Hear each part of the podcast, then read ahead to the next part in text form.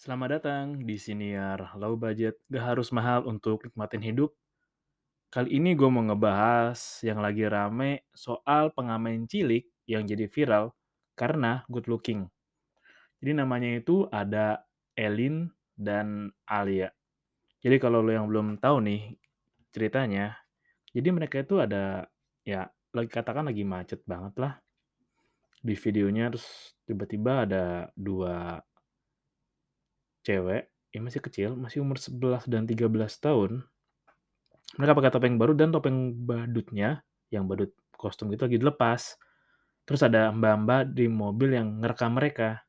Nah, mereka ngerekam terus sambil bilang ya, "Ih, kamu cantik banget, kamu cantik banget," gitu. Dan ya rekamannya diunggah ke media sosial, kemudian viral. Dan kalau lu juga tahu sih, belum lama ini juga si Elin dan Alia sempat diundang ke stasiun TV lah untuk diajak ngobrol dan tanya-tanya. Dan setelah gua cari beberapa informasi mengenai mereka, sekarang mereka sih aktif di TikTok. Ya followersnya udah banyak dan view-nya juga udah banyak sih view video mereka, ya ratusan ribu sampai jutaan. Itu yang gua lihat di artikel. Dan lu tau nggak apa yang nyebelin pas gua lagi browsing di ya internet apa yang cari soal mereka. Jadi kan uh, biodata pa apa, eee, pengamen badut yang viral di TikTok. Misal nama si Elin dan Alia, terus usia 11 dan 3 tahun. Terus ada ya kolom agama belum diketahui. Kayak apaan sih anjing dikit-dikit agama mulu, kayak banyak banget hal lain kalian bisa lu ulik selain itu. Nah, pasti lu bakal bertanya, eee, kenapa sih si Elin bisa viral? Nah, ini gue coba simpulin sih dengan beberapa hal yang menurut gua, ya gua tahu dan menurut gua masuk secara logika.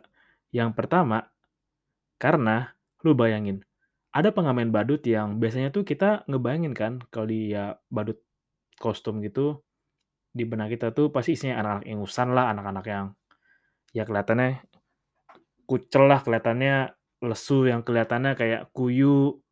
Nah, ini beda nih. Ini ada anak perempuan ternyata yang ada di balik kostum badut dan anaknya ini cantik menurut orang-orang.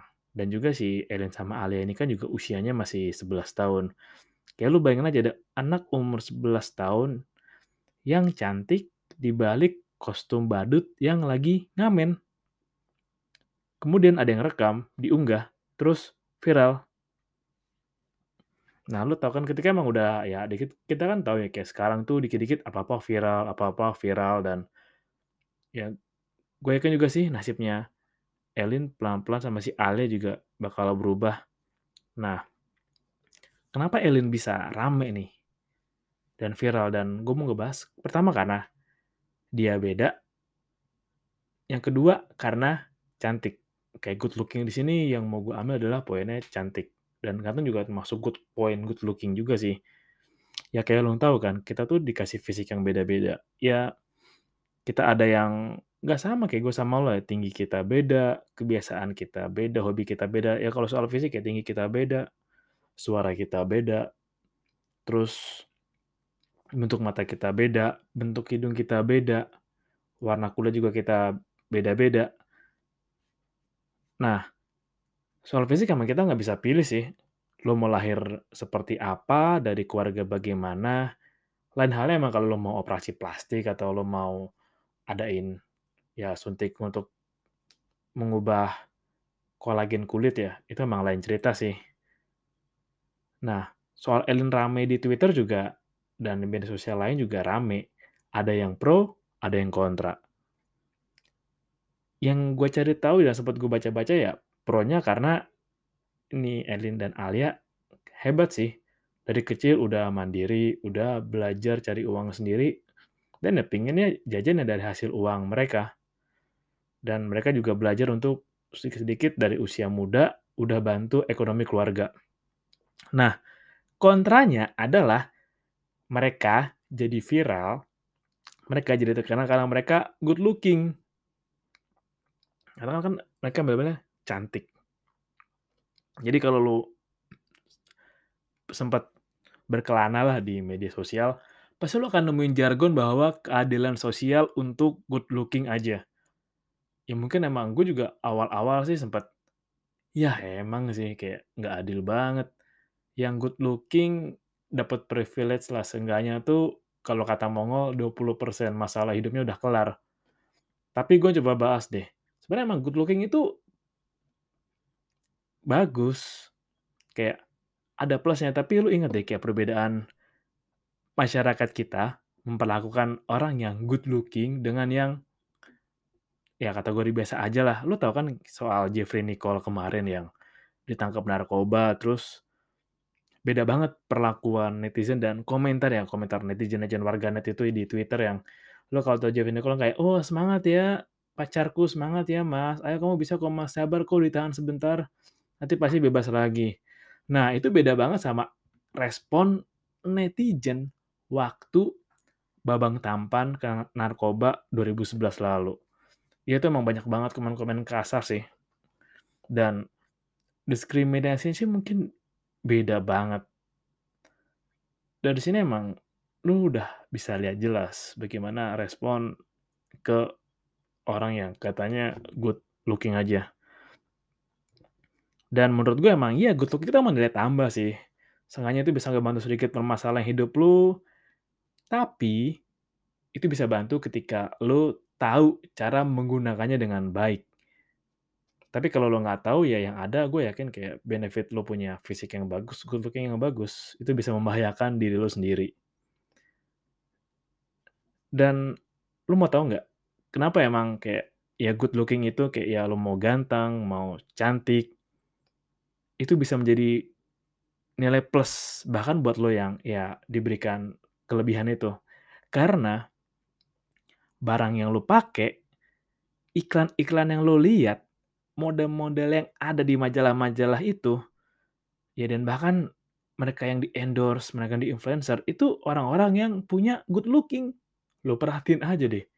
Kayak mereka ya yang punya kelebihan di warna kulit tertentu lah, atau postur badan tertentu. Bahkan ketika lu beli di marketplace aja, pasti yang dipakai orang-orang yang good looking kan, yang fisiknya ideal, yang badannya keker, tinggi, gede gitu, terus yang pembawaannya sangat macho kalau pakai kemeja itu.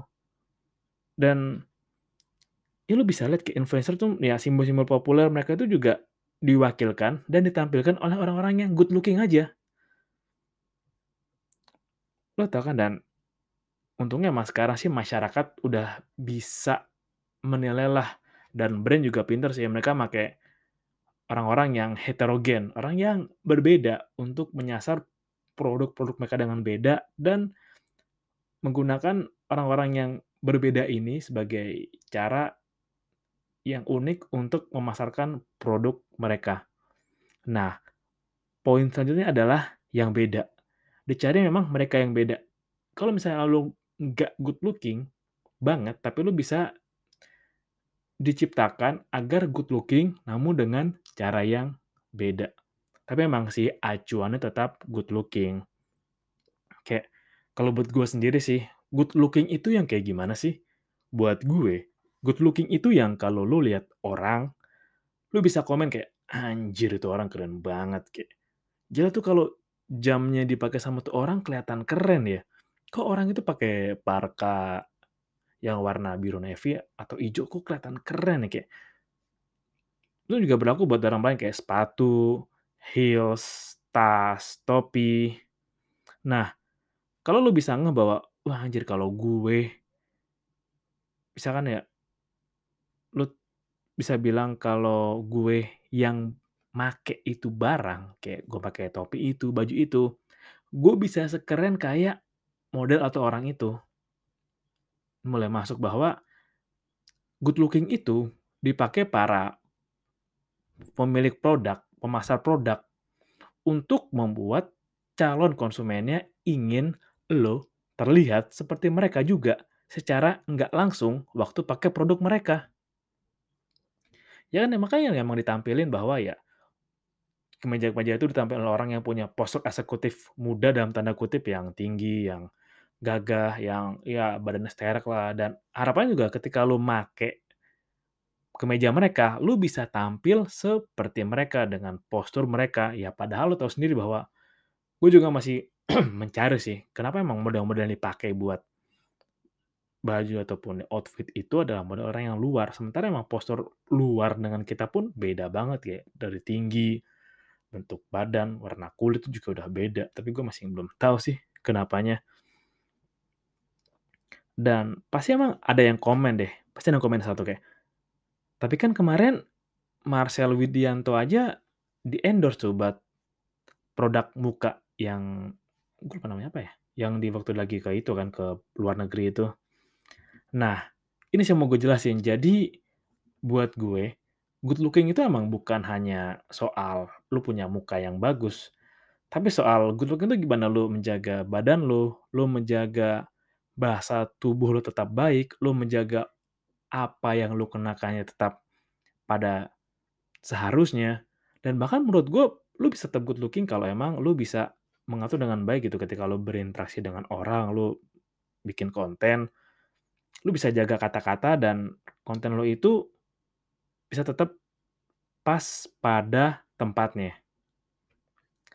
Dan mereka mungkin kayak, oke lah, mereka punya secara bawaan punya fisik yang udah bagus nih, udah tinggi, gede, keker gitu kan. Dan pasti juga untuk bisa tetap bertahan pada posisi mereka sekarang, mereka juga perlu effort dong untuk menjaga badan mereka tetap baik. Caranya gimana? Lu makan yang bener, lu olahraga, terutama lu olahraga lu rutinin biar badan tetap bugar gitu kan, dan juga harus belajar untuk tampil semenjual mungkin dan tahu caranya menjual. Karena emang tujuan industri atau brand make mereka yang good looking ya emang untuk meningkatkan penjualan barang mereka. Kayak lu bayangin deh, kayak lu bayangin kayak orang yang ganteng, keren, kalem, ya contohnya Nicholas Saputra deh. Doi kan keren, secara muka ganteng lah, pembawaannya keren, kalem. Tapi lu bayangin kayak Nicholas Saputra tuh nggak jaga badannya, kan makan sembarangan, terus pola hidupnya nggak sehat, terus kalau ngomong suka ngawur, di media sosial suka ya cari-cari perkara, susah di briefing kalau lagi dimintain pekerjaan secara profesional. Dan walaupun emang good looking di fisik, tapi emang secara pembawaan, secara tutur kata, ya pembawaannya enggak banget, itu malah nol besar sih. Orang malah nggak respect dan brand-brand juga males kerjasama gitu untuk sama orang kayak gitu. Dan mungkin lu juga pasti kayak, ya tapi kan tetap good looking, pasti ada aja gitu satu orang yang suka sama Nicholas Saputra yang nggak jaga badan, yang tetap makan sembarangan, terus yang susah diatur bla bla bla. Iya. Lu juga harus tahu bahwa pasti nanti lu akan ngelihat ya di medsos komen-komen yang, "Mmm, aduh gemes banget sih Mas ngelihatnya," terus, "Aduh rahim aku anget nih, uh nggak tahan deh pengen meluk," kayak gitu-gitu yang, "Duh nggak tahan bawaannya mau anu." Iya, oke deh kayak lu punya anugerah badan yang bagus, diberikan fisik yang nilai lebih dari beberapa lain lah menurut banyak orang. Tapi lu nggak tahu cara mengoptimalkan yang udah lu kasih, kayak kegiatan lu cuma goyang-goyang joget pargoy, joget-joget yang joget-joget atau nggak jelas, atau cuma ya bikin video video sosok.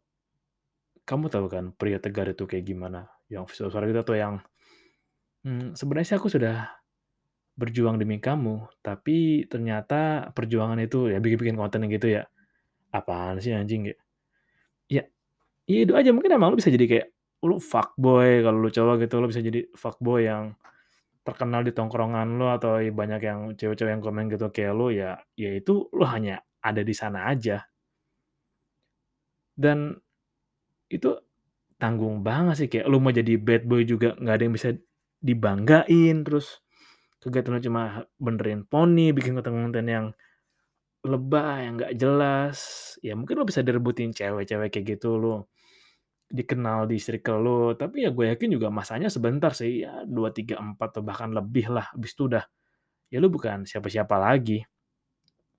Antara emang lu udah kehilangan pesona lu yang yang keren itu ya karena emang ada juga orang yang ya udahlah hanya gitu doang dan Saking bertambah usia, ya udah nggak jadi apa-apa, ya udah nggak karuan, nggak olahraga, nggak jaga badan, terus gitu-gitu aja ya. Ya udah makin bertambah usia bukannya makin bagus, malah ya lu makin jadi biasa aja. Kayak gua suka bilang ini sih, bahwa untuk mendapatkan dan untuk mempertahankan adalah 2 hal yang berbeda. Mempertahankannya ini nih yang perlu usaha lebih ekstra sih kalau buat gua, karena kalau mendapatkan ya bisa aja kan dapatnya dengan cara yang nggak bener, cara yang haram. Bisa aja kayak yang Elin kemarin yang mendapatkan ketenaran, itu bisa tiba-tiba, tapi untuk mempertahankan dan menjaganya, itu juga dengan cara yang lain lagi, atau bahkan juga mungkin ada keten ada orang-orang yang, oke lah, eee, gua senang sih terkenal, tapi gua nggak senang tampil di orang banyak, atau gua senang dengan berkarya aja, tapi gua nggak senang dengan terkenalnya. Karena emang ya ketika lu terkenal, banyak banget sih hal-hal yang lu harus belajar adaptasi dan hal-hal yang lu harus biasakan hal yang baru. Dan menurut gua juga mempertahankan good looking lu, itu juga perlu usaha yang rutin dan konsisten. Dan satu lagi yang penting, kalau lu good looking doang, tapi lu nggak tahu caranya jadiin uang, lu pasti bakal kalah dengan orang yang secara fisik biasa-biasa aja, tapi mereka tuh gigih dan pintar, tahu cari cara gimana nambah sumber pemasukan. Gue yakin bahwa orang-orang yang tadinya biasa ini yang ya dengan di diberikan fisik yang biasa, tapi dia gigih, dia berjuang, lama-lama juga akan glowing sendiri. Karena pasti dan gue juga yakin sih kayak upgrade fisik lu juga pelan-pelan bakal sejalan dengan upgrade keuangan lu atau kemampuan lu menghasilkan uang. Dan capek lagi sih kayak lu cuma diberikan anugerah fisik dan ya lu kayak gitu-gitu aja dan sebenarnya kayak dulu kayak lu kalau tahu Norman Kamaru, kayak Mas Norman, izin ya. Mas Norman Kamaru juga dulu jadi viral karena beda. Bedanya karena ada polisi yang lagi jaga tahu lagu India dan lip sync plus joget. Nah, setelah itu kan beliau berkarir-karir dan akhirnya emang keluar dari polisi dan sementara sekarang kan sudah berwirausaha kan. Nah, itu lagi sih.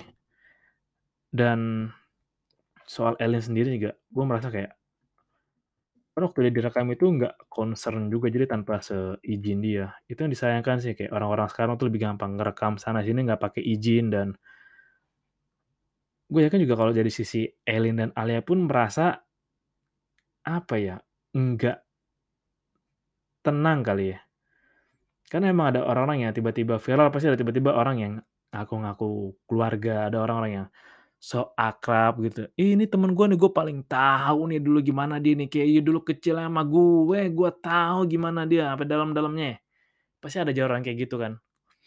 Dan apalagi kayak Elin dan Alia itu masih kecil kayak oke lah dia good looking, tapi kan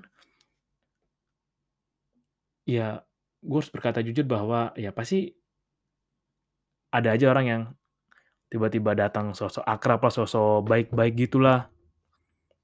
Nah, tiba-tiba dengan uang segambreng terus bingung cara ngelolanya lah. Kayak kejadian di petani yang kemarin itu kan yang tanahnya dibeli pemerintah. Itu dia sih.